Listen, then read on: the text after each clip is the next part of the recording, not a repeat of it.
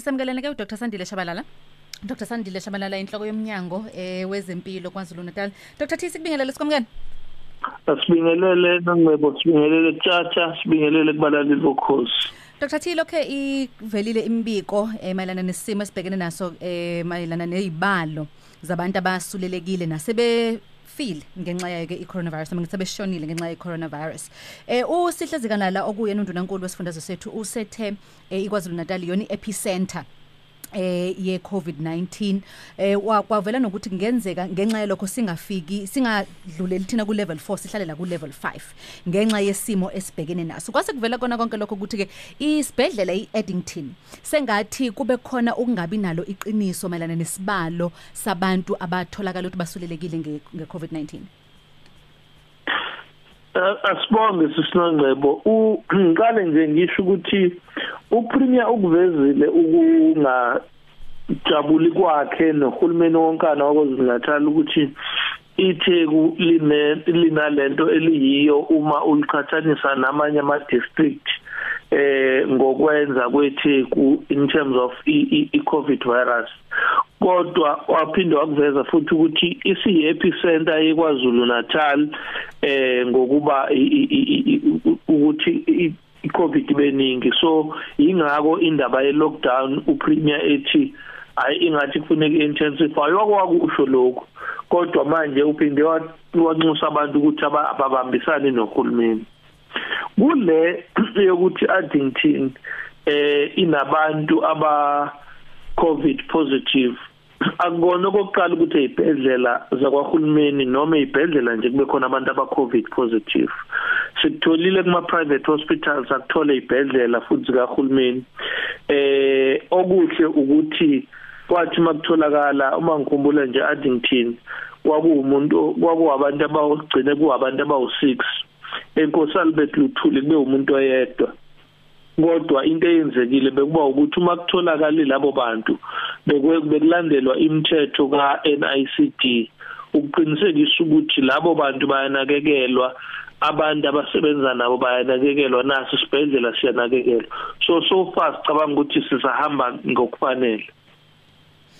Mhlambe Dr T angeke sikulindele ukuthi vele ezibhedlela eh kuzoba khona isibalo esiphezulu sabantu abangazithola besuleleka ngenxa ngenxa ukuthi vele abantu bayalapha mabegula bafike bahlole odokotela. Ngesikhathi umuntu egula uvele phela ufike ube ukuthi nje usuhlele esitulweni cha udlula emagate udlule koma reception njalo njalo. Ngeke sikulindele lokho kufanele kusithuse kungasithusa ngoba into siyaye siyenze siyiqikelele sihulumeni ukuthi asithole iPPE abantu babe nayo iPPE le sithi personal protective equipment bizomhlula ukutshatha le senizwile ukuthi amagama abuya athi ukuthi adlale ngayo.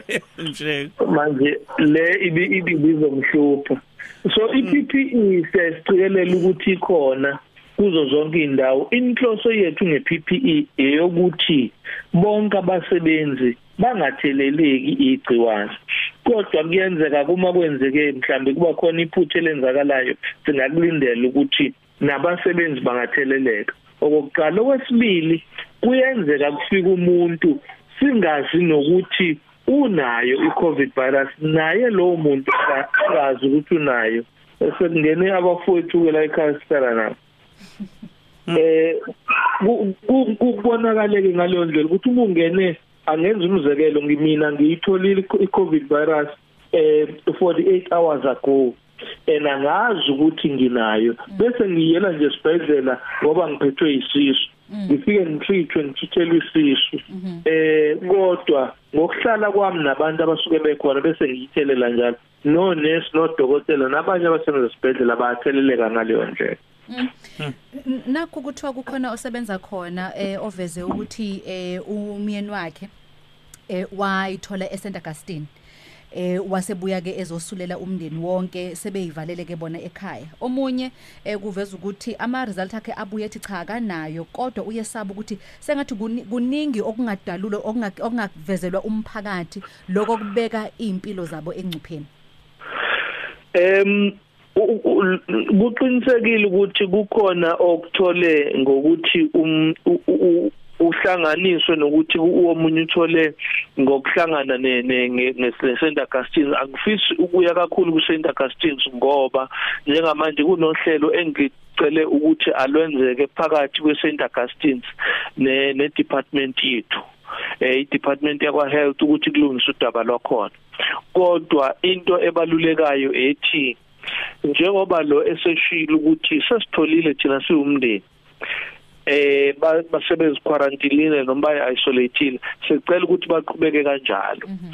kodwa sicela ukuthi bangabe sebethi hayi ingathi kuningi okungenzeki singakuboni kahle. Zikhona izinamba ezithi uma kukhona ongakuboni fona usitshela ukuthi yini lo ngayiboni ngoba inhloso ukuthi asilungise phela uma kukhona amaphutha enzekayo. Uma uzothi ayikhona into engayiboni bese uhlala eceleni awusisizi ngalutho. Kanti uphinde uthusa abanye abantu. Iphinde sakhele leyanto eyenzeke kwesinye seyibhedlela elembe labe bethi khona abantu asibafuna abantu abane coronavirus ngicabanga ukuthi umuzwileke ungqongqoshe wethu uma mnemagugu similane ethi akukho isibhedlela la sicele khona ukuthi la sicela ukufaka abantu la sicela ukufaka abantu. Umuntu umegula ehlala eThekwini kufanele simfake esibhedlela saseThekwini njengoba nakwesinye nakwamanye ama districts senze kanjalo. So sicela ukuthi umphakathi sibamsane nje nawo. Nawo size sidlule. Imessage engithanda ukuyisho kakhulu ethi saze safika ekutheni sibe yi-epicenter ye-HIV as a province yaKwaZulu Natal ngoba sake salwa nje sibanga into engekho saze sabulala ogugudlamini asikwazi ukufika lapho futhi. Mhlambe sesiphetha eh Dr. T sibheke into ekufanele silindele thina nathi njengamalungu omphakathi uma ukuthi uyakhona esibhedlela ukuze na uqinisekise ukuthi awusuleli umuntu noma mhlawumbe mayekhona omunye akakusuleli eh njoba sazi kukhona into zo social distancing kade ukhuluma indaba ye PPE makuthiwa nathi sibamba iqhaza silibamba kanjani? Ikuphi kufanele sikulindele? Nekufanele sikucele uma sifika ezibhedlela nekufanele singakwamukeli uma sifika ezibhedlela Uyabona nje into yokuqala ekufanele sithi asiqale ngayo engicala ngayo ngoba kuyinto eseyintsha kuzo zonke izinto esike zakhulunywa. Ile yokuthi awube nemask nje yakho. -hmm. Akungabi ile mask ekuthiwa iN95 egqokwa umuntu meya eyobona abantu abano TB abantu abazokwenza ama procedure athile. Cha imask nje lejwayelekile futhi ke manje sekuthiwe ngisho ungagqoka imask oyenze wena ngendwangu ekhaya. Usuke lapho uvikele ukuthi uma unasisifo singasuki kuwe siye komunye umuntu. Nakuthi futhi uma omunye umuntu ekhona eduze kwakho angasitheleli kuwena. Kube yile oyisho ukuthi 1.5 meter apart from omunye umuntu ngeke ngaya nje olundi ngithunywe khona. Khona amabhenki obufika uthola sebeze phansi lapha bamakhile ukuthi omunye umuntu mala omunye amela. Kubhekwa leyo distance. Bese kuba nesecurity kodwa le security ngendlela esihlushwa ngayo abantu. Bethi sifuna ukusondela kodwa kumakhiwe phansi ukuthi ningasondelani. So kufanele sibambisane. Okwesibili uma ngabe uyakhwehlela sheshe ucheck ukuthi ukhwehleliswa yini.